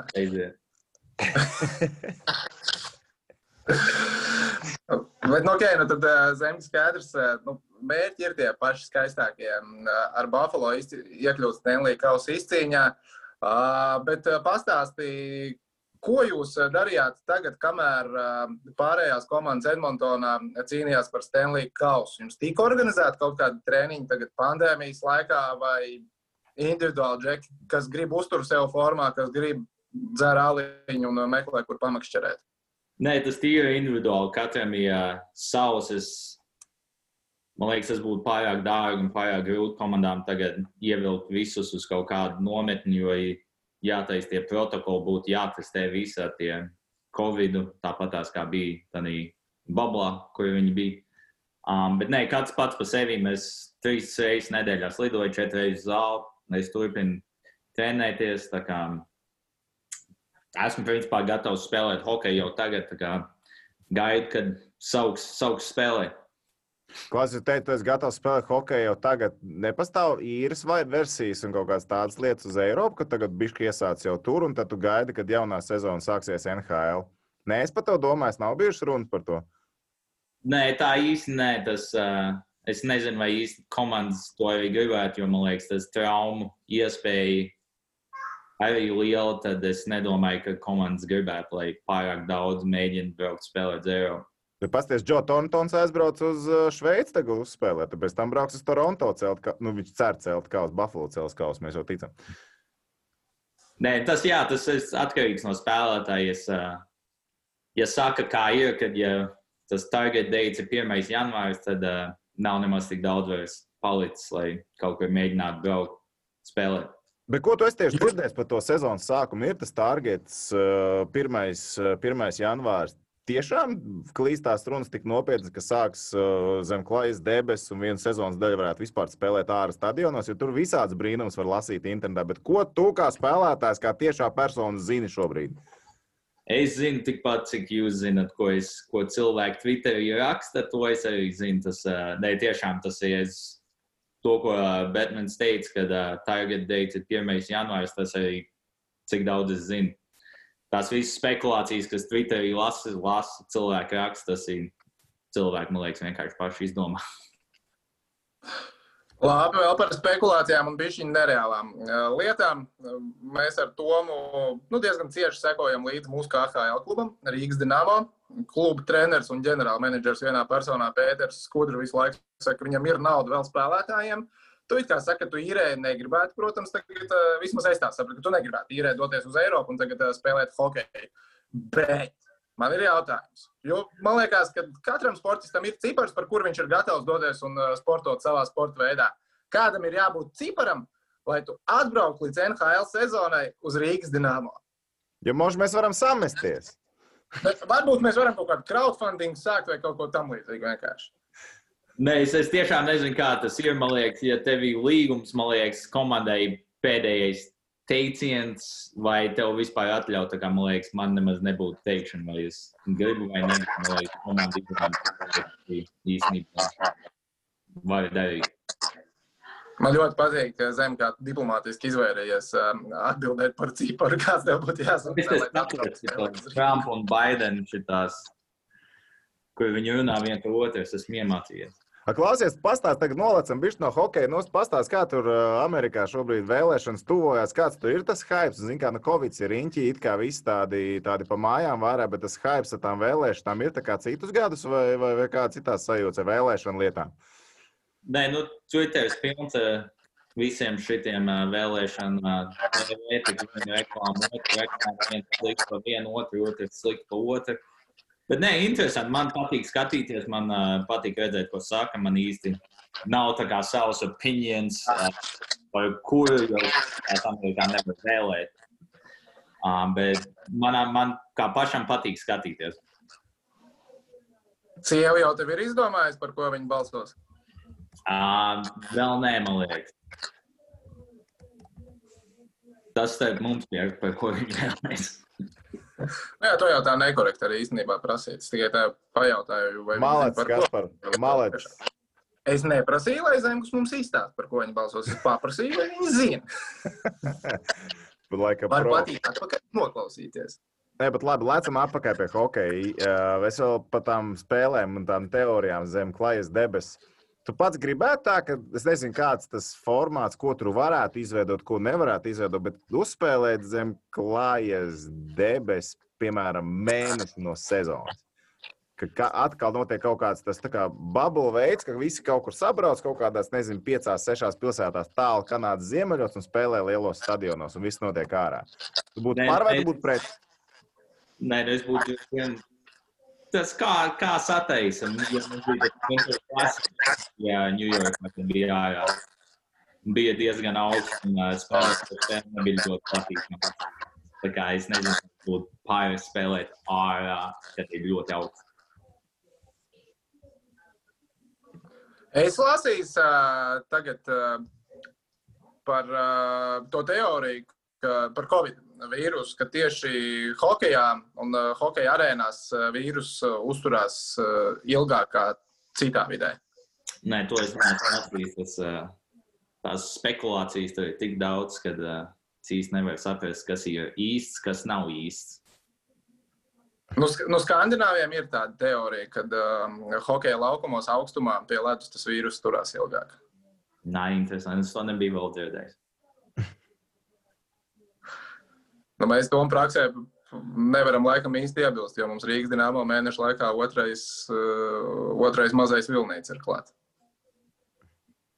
Tur kaut kas laikam bija saistīts ar to ledus, vēsākas temperatūras, ventilācijas, siltākas temperatūras. Nu, tur man liekas, cilvēki joprojām meklē, kas tur īsti ir, kas tur nav, un, un laika mainās, un, un, un ir sarežģīti. Bet, uh, nu jā, laikam, ka klajā, klajā gaisā, tīrā, tīrā gaisā uzspēlēt, varbūt tas būtu pat kaut kādā mērā saistīts ar to, ka vēl līdzjutējs var iesaistīt iekšā visā šajā pasākumā.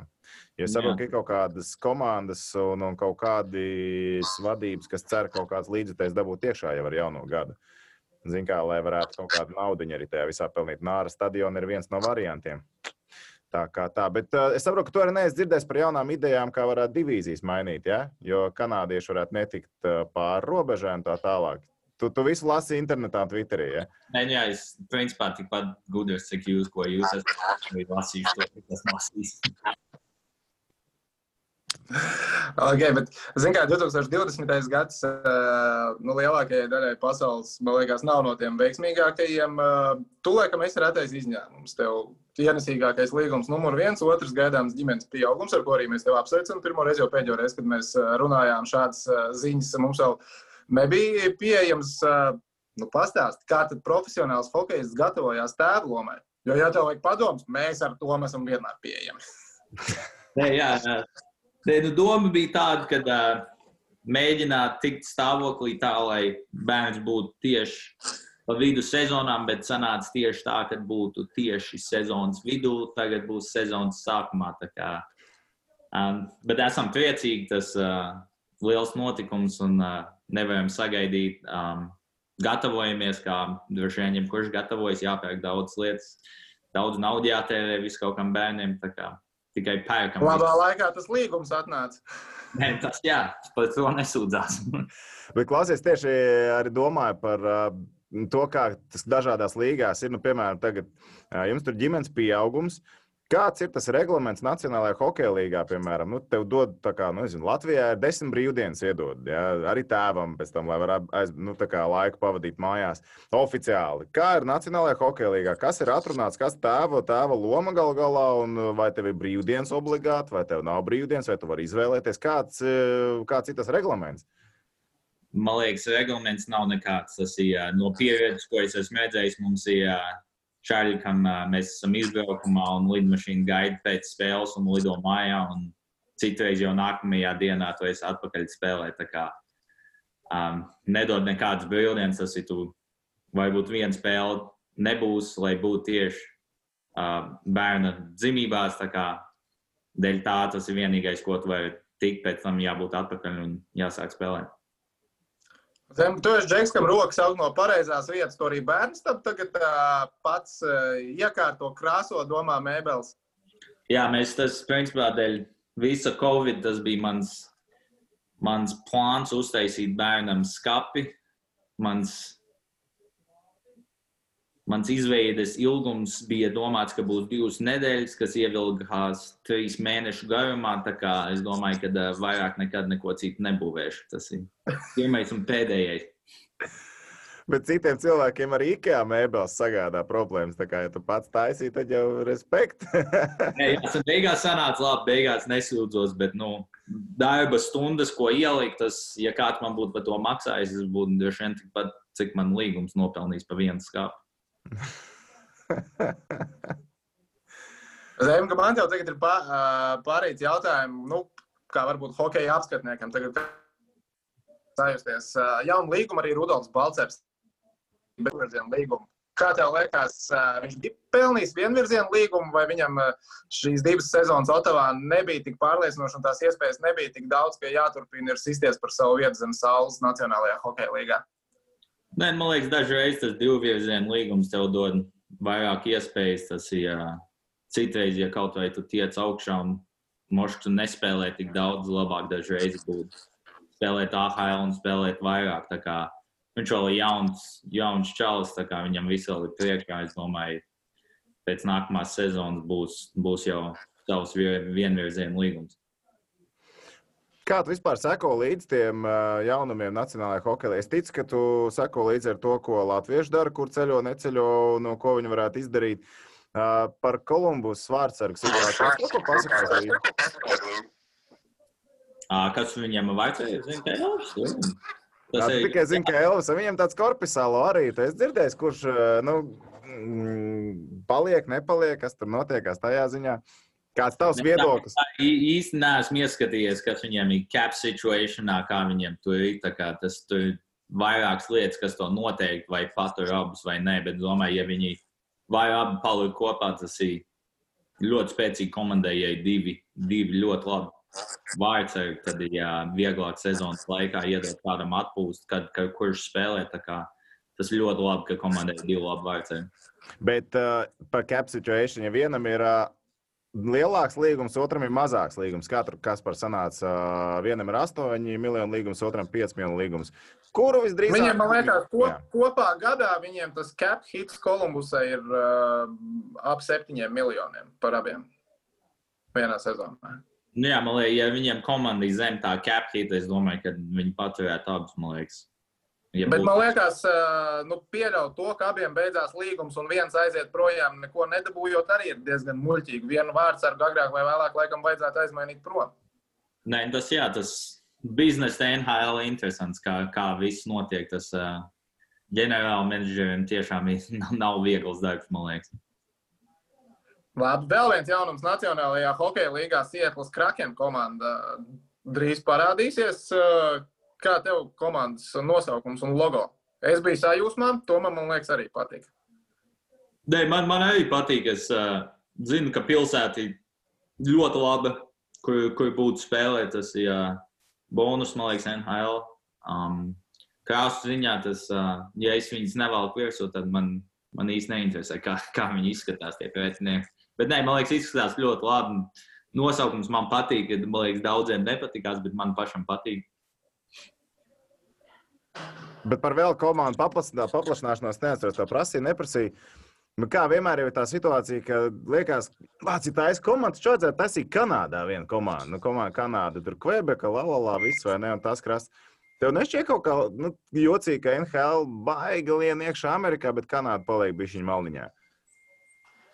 Um, es domāju, tas viss vairāk arī biznesa ziņā. Tas, uh, es īsti to neesmu ieskatījies, kā tur viss tas ir, bet varētu būt arī tādēļ, ka Kanādas dolārs ir zemāks šobrīd, izdevīgāk bija Amerikas komanda.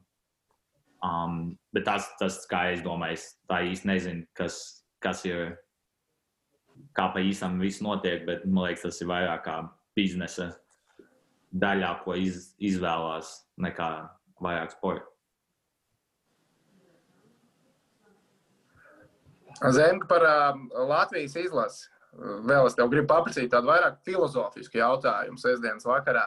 Kas ir tie iemesli, kāpēc Džeki no Ziemeļamerikas, kā tu raujās? Nu, neraujās uz izlasi, bet tad, kad tiek aizbraucis uz izlasi, tas ir patriotisms, tā ir mīlestība pret hokeju, vēlme pārstāvēt savu valsti vai kas tas ir. Jo man pēdējā laikā pašam tā subjektīvi domājot, baigi, tas esmu nonācis bieži vien pie domas, ka es īsti nesaprotu, kāpēc tie labākie džeki īstenībā raujās uz izlases spēlēt. Nē, man liekas, tas ir viss, vis, ko tu pieminēji. Gan patriotisms, gan uh, mīlestība pret hokeju. Uh, arī vienmēr tikai satikties ar uh, saviem uh, čaļiem, ko jaunībā spēlēju pretim vai kopā. Ir vienmēr interesants tas uh, pasaules čempionāts. Vienmēr ir interesants, kur būt. Tas, uh, gan hokeja ziņā, gan uh, pavadīt laiku kopā ar uh, čaļiem. Tas ir uh, forši.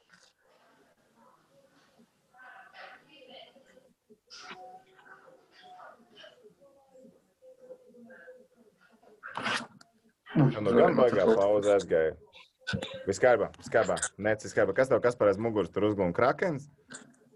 Jā, un krākens nāca virsū. Man liekas, ka tur ir kaut kas vienkārši skatījos, vai mazie nenāk iekšā. Viņš normāli ir mazie nāk iekšā. Viņiem viņiem ir jautājums. Par mazajiem uzreiz arī jautājums. Klau, um, Kur tu kādreiz domājis par ideju pēc karjeras? Labi, es saprotu, ka vēl kāds laiks ir jāgaida, bet pēc karjeras kāda bērnu hokeja skola celt augšā, te pilna Latvija sāk parādīties. Tev plāns nav kaut kāds jau kaut ko tādu? Šobrīd plāns tāds nav. Tas uh, vienmēr varēs redzēt, kas nākotnē notiksies, bet šobrīd tāds plāns nav. Nē, esmu nekad par to īsti aizdomājies. Ir pilnas rokas te ar ko, ko darboties. Bet, uh, kur tu redzētu vispār sevi tagad, uh, pēc hokeja karjeras beigām? Tu būtu viens no tiem sportistiem, kas pilnībā nomaina, dara kaut ko citu, vai tev šobrīd liekas, ka tu hoķītī varētu pavadīt laiku arī pēc tam, kad uh, pats jau aktīvi vairs nespēlē? Nē, es domāju, ka es hokeja um, vidē palikšu. Tas ir uh, kādā ziņā tas vēl nav zināms. Uh, nedomāju, ka gribu būt kaut kāds treneris lielā, lielā komandā mēģināt uh, attīstīt kādiem bērniem vai uh, skills coach, um, kaut kas tāds, droši vien jau, kad uh, pie hokeja palikšos. Treneris, man liekas, trakākais tajā visā ir tas, ko savulaik teica Pekarauta Kalio, Rīgas Dāmo bijušais treneris. Tajā brīdī, kad tu paraksties kļūt par treneri, tu diezgan droši zini, ka tevi kaut kad agrāk vai vēlāk atlaidīs no darba. Man liekas, tāda, tāda, tāda doma dzīvot, strādāt, varētu būt diezgan depresīva. Nē, tas jā, tas treneriem ilgu laiku ļoti paveicies, jo, ja komandas slikti spēlē vai kaut kas tāds, pirmais, man liekas, ko vienmēr vainos, būs treneris. Tā kā tas, ka tu ej treneru jomā, tas ir viens no gadījumiem, kas notiks. Mēs redzējumā Facebook par to vairāk kārt esam uzsvēruši, ka mūsu apuprāt visu laiku izcilākais Latvijas sportists ir Andris Biedriņš. Viņš 27 gadu vecumā ar 65 miljoniem kabatā aizgāja pensijā un tagad dara visu, ko sirds patīk. Tev arī tagad, nu, principā, sportista spēka gadi ir klāt. Tu esi kādreiz domājis, cik ilgi tu gribi spēlēt? Um, tā īsti nē, man liekas, cik ilgi. Um, Nākošais šis līgums beigsies 29 gados. Tas ir zināms, ka pēc tā ir arī vēl kāds 3-4 gadus spēlēt. Tā kā es domāju, ja līdz kādas 5 vai 1 ir Pats man ļoti gribētu paprasīt, kurā komandā Eiropā gribētu spēlēt, bet es saprotu, cik tas ir muļķīgi un netaktiski to prasīt, ka tu esi tikko parakstījies līgumu ar Buffalo Sabres. Bet vienkārši atceros, tagad jau pirms pāris dienām ziņās vēl bija uh, cilvēki rakstīja un, un, un runāja, kurā komandā viņi gribētu tevi redzēt. Es nezinu, mēs varam savu komandu varam māt ar galvu kratīt. Nē, nē, nē. labi, nē, labi, nekratīsim. Vienkārši cilvēki ļoti daudz uzskatīja, ka tu ļoti labi iedarētos Minnesotas Wild. Es nezinu, kāpēc. Nē, jā, tās spekulācijas, cilvēki raksta visu kaut ko. Tas, tas vienmēr tā, tā kā, es domāju, pēc trīs gadiem redzēsim. A, kas ir bijušas tās lielākās muļķības, kuras tu esi lasījis par sevi, kur tu nonāksi, kur tu varētu spēlēt, ko tu varētu darīt, kur tu nenormāli pārsmējies, kad tu Twitterī lasīsi, ah, nu, ka tu bez mazliet tur spēlēsi, sazini, kur, un domā, kur viņi šito ir izrāvuši ārā. Um, nē, tas parasti, kad tie līgumi nāk, kad jāparaksta, tad vienmēr nāk tie, kur spēlēs, kad spēlēs. Bet, nu, man liekas, daudzus gadus atpakaļ bija, kad es esmu baigi daudz runājis ar KHL komandām, kad es nekad nebiju ne tuvu runājis nevienai komandai. Tā kā cilvēki māku uzpūst no nekā daudzreiz. To man liekas, ka Zemē gan jau arī KHL kāda komanda, tad, kad vēl bija drafts, ir izvēlējusies. Ne? Man bija CSK. Tad. CSK tev ir izvēlējusies. Tur jaudīga komanda, jaudīga komanda. Rīga mani aizmainīja tādā vienā gadā. Varbūt domāju, ka es braukšu spēlēt Rīgā. Nu, kā tu pasmaidīji par to draftu? Kad uzzināji, ka KHL tevi draftē, droši vien bija smaids plāts, vai ne? Nē, jā, bet nu, to jau nekad nevar zināt. Tas, uh, kā jau ir manī paveicies, kad ir bijusi stabila šeit, un, uh, bet KHL jau ir laba līga. Un, uh, ja tas būtu bijis jāiet tas ceļš, tad, protams, ka es būtu to gājis.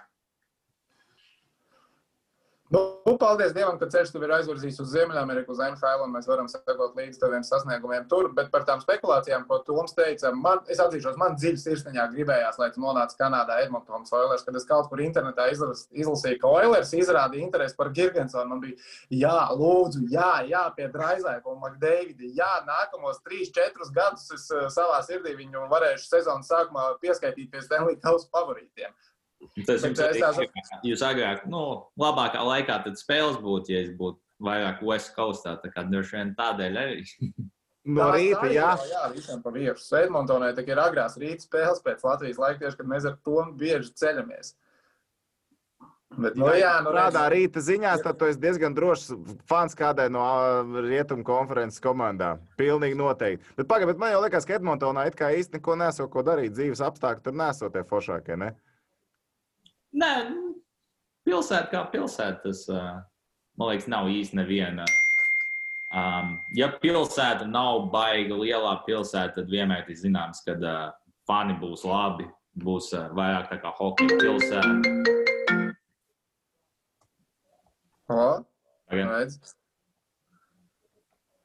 Pateic, kad sezona sāksies? Tā, pa, kāds bija, par ko mēs runājam? Par Edmontonu. Par- Ah, nē, jā. Pilsētas, ja nav baigi lielā pilsēta, kā piemēram Chicago vai Boston, tad vienmēr simt punktu zināms, ka uh, fani būs ļoti labi. Uh, Hokeja pilsēta, tā kā man liekas, nav īsti neviena. Pagaidiet, Bostonā nav labi fani. Man vienmēr ir licies, ka Bostonā Nē, nē, ir visās labi fani, tas, bet, nu, man liekas, tādās mazākās pilsētās ir zināms, ka hokejs ir vienmēr numur viens. tā kā. Kas ir Buffalo komanda numur viens? Sabres vai Bills? Nu, šobrīd varētu būt, ka Bills, jo Bills vinnēja, man liekas, tas, uh, kuriem labāk Viņi sezona. ir labi. Viņi ir rīktīgi labi. Es nespēju, par jā, ko es tas- runāju. Nē, Bills, Bills fani tie ir vienmēr. Uh, viņi ir sadalīti, bet uh, hokejiem ļoti labi fani un Bills fani ir uh, viena no vislabākajiem. Viņi traki, tas ir uh, uh, tailgate, tur aiziet. Tas ir vienreiz dzīvē, jebkuram jāizdara. Tad uh, to mēs runājam par NFL komandu Buffalo Bills. Es zinu, par ko es runāju, kā ākstos, kurš vispār Latvijā kaut ko zina par NFL. Ir trīs cilvēki, droši vien. Viens no tiem ir tu. Un to, divus no tiem tu ļoti labi pazīsti, vai ne? Ticamāk.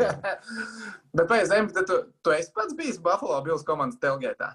Tad, kad jau astoņos no rīta ierodies pie stadiona, spēle ir vienos dienā ātrākais, un astoņos no rīta jau tiek korķēts vaļā.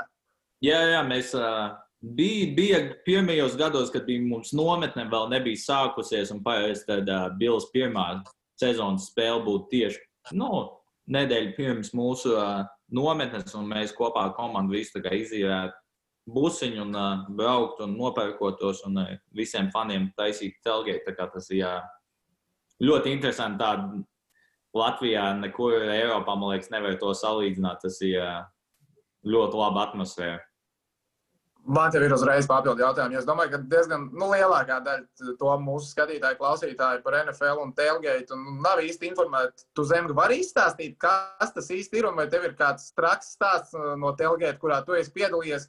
Jo video tieši no Buffalo es esmu redzējis, kā tur džeki no uh, mašīnu jumtiem lec nost, imitējot uh, wrestling cīņas, laužot galdus un tā tālāk un joprojām. Nē, jā, tas ir vienkārši tas ir cilvēki atbrauc, nopērkojas ar mašīnām, busiņiem. Agri no rīta jau tas ir desmitiem, 50 tūkstoši cilvēku, 100 tūkstoši. Tas ir nu, nežēlīgākais daudzums cilvēku. Cilvēki ved grilus, ņem āliņus un tā kā principā dara, ko grib, spēlē visādas spēles, iedzer āliņu un, protams, kad ā, ir daudzreiz redzēts, ka, uh, ja spēle ir vienos, tad uh, tu arī redzēsi daudz cilvēku, kas netiek līdz tai spēlei galā. spēle jau beigsies pirms sākusies. Negribās nevienu nosodīt, bet es domāju, ka daļai Latvijas hokeja līdzekļi varētu šajā brīdī būt. Ah, jā, es zinu, man, man tā ir bijis. Pasaules čempions šī tā sanāca. Jā, zinu, kurā čempions neatceros.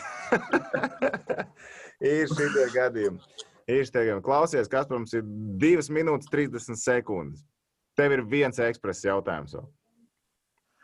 Man ir viens ekspresa jautājums. Jā. Vai ne? Un tagad ir rīta laiks, jo vajag, vajag reāli tādu foršu jautājumu, vai ne? Ko, ko tādu uz, uz nagliņu uzsist. Es nezinu, man, laikam, jā, man, man ir viens tikai. Kad tu gribi sākt sezonu? To mēs ar tevi gribu tik ātri, cik varu. Tas, kā es teicu, esmu gadus, esmu trenējies jau ilgu laiku. Principā es nekad īsti nepaņēmu brīvlaiku. tā kā, Ja varam 1. janvārī sākt, ja tas ir droši visiem, ja visi jūtās labi ar to, tad es būtu gatavs sākt 1. janvārī. Labi, man ir cits. Es ceru, ka ie- ierakstīsies zemgi. Zini, kā, ja nesanāks, tad šito izgriezīsim ārā. Ja sanāks, tad būs baigi labi. Vai tu vari nosaukt piecus Latvijas basketbola izlases aktīvos spēlētājus? Kristofers Porziņš. Vairāk nezinu. La, labi, bet pa, pa, pa, Kristofers Porziņš, Latvijas futbola izlases spēlētājs aktīvos. Lūk, jums atbild, kāpēc futbols nav sporta karalis Latvijā. Es varu NFL spēlētājs nosaukt, bet nav labi. Drīz viens būs. Uh, drīz viens būs. Tas tur, uh, kā bija to Endijs Rautiņš, ja? No Cārnikaus čalis būšot. Džeks no Cērnikavas. Vi, vi, viņš būs. Viņš vi, drīz mums būs tāds arī, nu, nevis uh, ar latviešu saknēm ASV audzes, bet tāds Latvijā Cērnikavā audzes. Tāds mums briest. Nu, ko? Kā jau Toms teica, laiks iet uz beigām. Zem, mēs tev sākam paldies, ka atradi laiku parunāties uh, Face of podkāstā. Cerams, ka klausītājiem, skatītājiem patīk. Katrā ziņā mēs izbaudījām. Paldies. Paldies tev, lai veicās. Čau, čau. Paldies. paldies. Nu, Zemgus Gigantsons ir lāga puika, vai ne? Saka, ko grib. Ir labs, ir labs. Viņš man liekas, ir šobrīd jau otrais visu laiku visvairāk nopelnījušais Latvijas hokeja NHL naudu aiz ozoliņa. Bet, padomā, viņš ir jau 9 gadus līgā. 8, 9 gadus.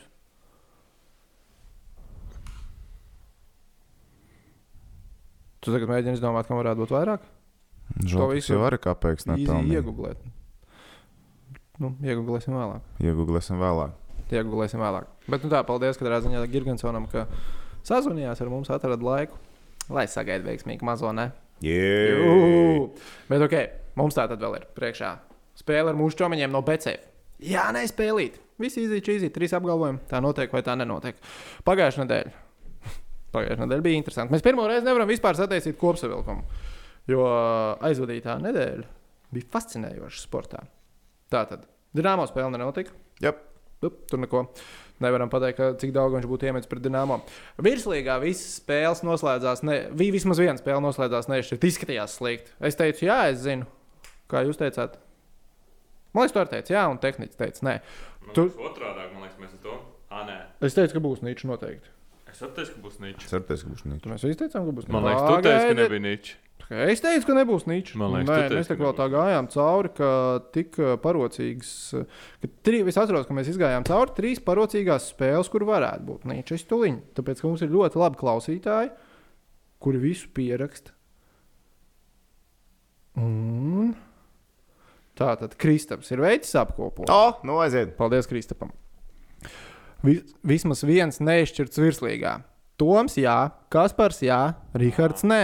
Oh. WhatsApp tehniķi, nē, grib savu. Gribēju ielīst iekšā, vai Jā. ne šitajā te? Tur mums ar to izskatījās slikti. Paldies Latvijas Futbola Federācijai, virslīgai. Es pat nezinu, kam pateikties, ka. Liepājas uh, spēle ar RFS jūs liekat pārspēlēt. Man tas liekas maksimālākais bezspridzels. Absolūts viesis. Pilnīgi, Sep- stulbums. 75. minūtē pārtrauc. Jā, jā, jā, viens 1-0 nulle. Liepā ir priekšā, un tagad viss spēle jāpārspēlē. Un kāpēc spēle vispār notiek? Tikai tāpēc, ka? Lietuva piekrīt spēlēt pie mākslīga apgaismojuma, jo citas komandas to nespēja izdarīt. Absolūts stulbums. Un ne jau Lietuva izrubīja to gaismu ārā. Tieši tā. Viņiem nebija jāizrunā, viņi bija priekšā. Aizvadīt tīklus spēli. Sadals tīkls saņemās. Virslīgi palūdz liepā, jau lūdzu, lūdzu. lūdzu Varam, lai paspēlējiet foršāk. Davai, nu Jums labi. fanāriki, jūs varat A, kalendāru. viņiem tas ir dārgāk, ko tos fanārikus rubīt iekšā. Maksā naudu, ieslēgt fanārikus. Sviests. Tagad vēl jāpārspēlē. Pilnīgi mīskais. Pilnīgi mīskais. Labi, stulbums. pēdējās 15 minūtes izspēlēt. Tas būtu mans risinājums. viss sagatavojas, tos vēl 15 minūtes brauc mājās. Jep. Parasti pieredze rāda, nākamajā dienā nospēlēt to spēli. Nu, es tikai radušās problēmas. Nākamajā dienā, kas notika arī tepat Eiropas līnijas kvalitī. Nu, es neatceros, taču Nu, kā nu šo spēli nevarēja pabeigt? Vētra bija atceries. Ā, jā, jā, jā. Nu, Nākamajā rītā pabeigta. Fiksi pabeigt Bum, spēli. bum, bum. Paldies. Nope, to nevarēja izdarīt. No liepainiekiem. Kā ir tā? Tad vēl, uh, nu jā, latvieši vismaz pusi no visiem vārtiem pret Vīķes. To mēs nekad mm. -hmm. neuzzināsim. Līdz 2. novembrim Kalniņam vismaz viena sausā spēle. Tas vēl ir priekšā. Procesā, vēl- procesā, vēl pagaidām procesā. Bet tātad, šodien, šodien, šodien, šodien, šodien uh, iesāksim ar, ar hokeju. Ronalds Čēniņš būs uh, Luzānas labākais punktu guvējs uh, šajā sezonā Šveices līgā. Ne vai jā? Uz jā koeficients ir 3,5, uz nē 1,26. Jā, tas ir loģiski, jo ir ļoti laba konkurence. Ne jau tas, ka ķēniņš to nevarētu. Nu, labi, viņa tips spēlētājs nav tas, kurš tur krāmējas nenormāli daudz punktu. Viņam ir bijusi labākā sezona ar 29 punktiem Šveicē.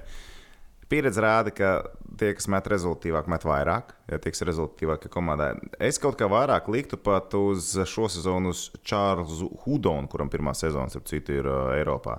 Viņš iepriekš Monreālā spēlēja. Viņam jau divās spēlēs četri punkti. Nav slikti, ne?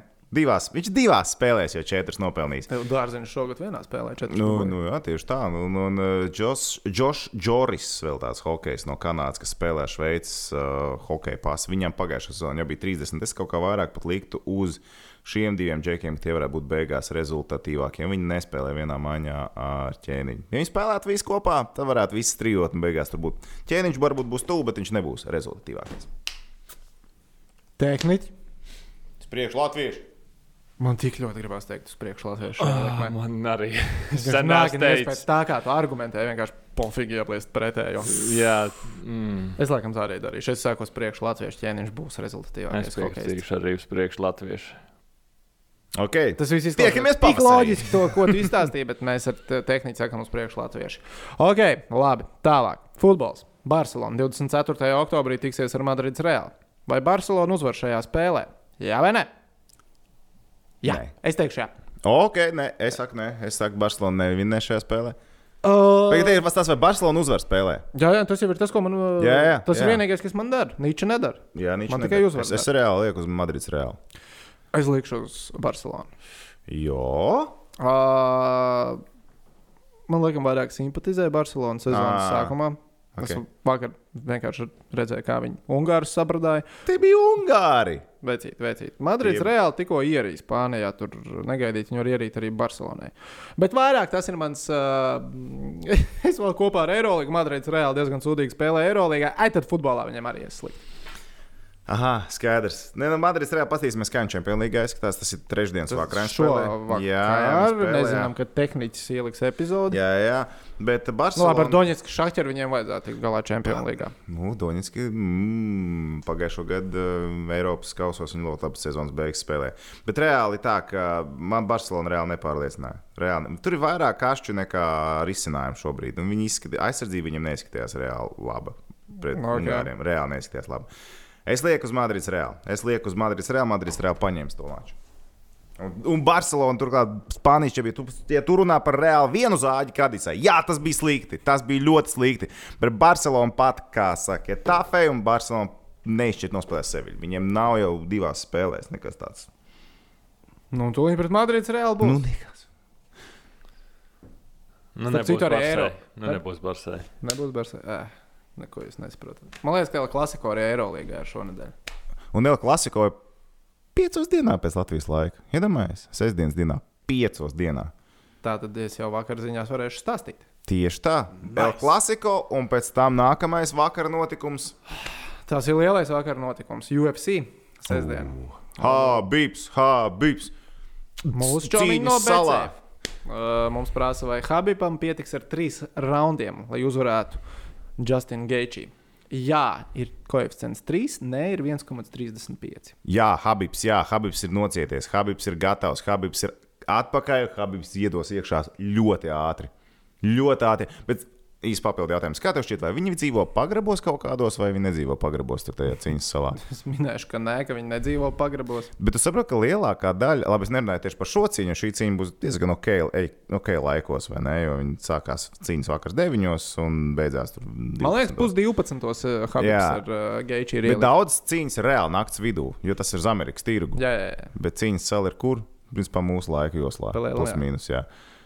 Nu, kā tu tur nesajūgs prātā? Tur naktī ies cīnīties vēl kaut ko. Es domāju, ka pēdējo nedēļu viņi tiek iemesti pagrabā, un viņi tur dzīvo, un viņi dzīvo pēc sava ritma. Jaunais sadēļas ekspresa jautājums.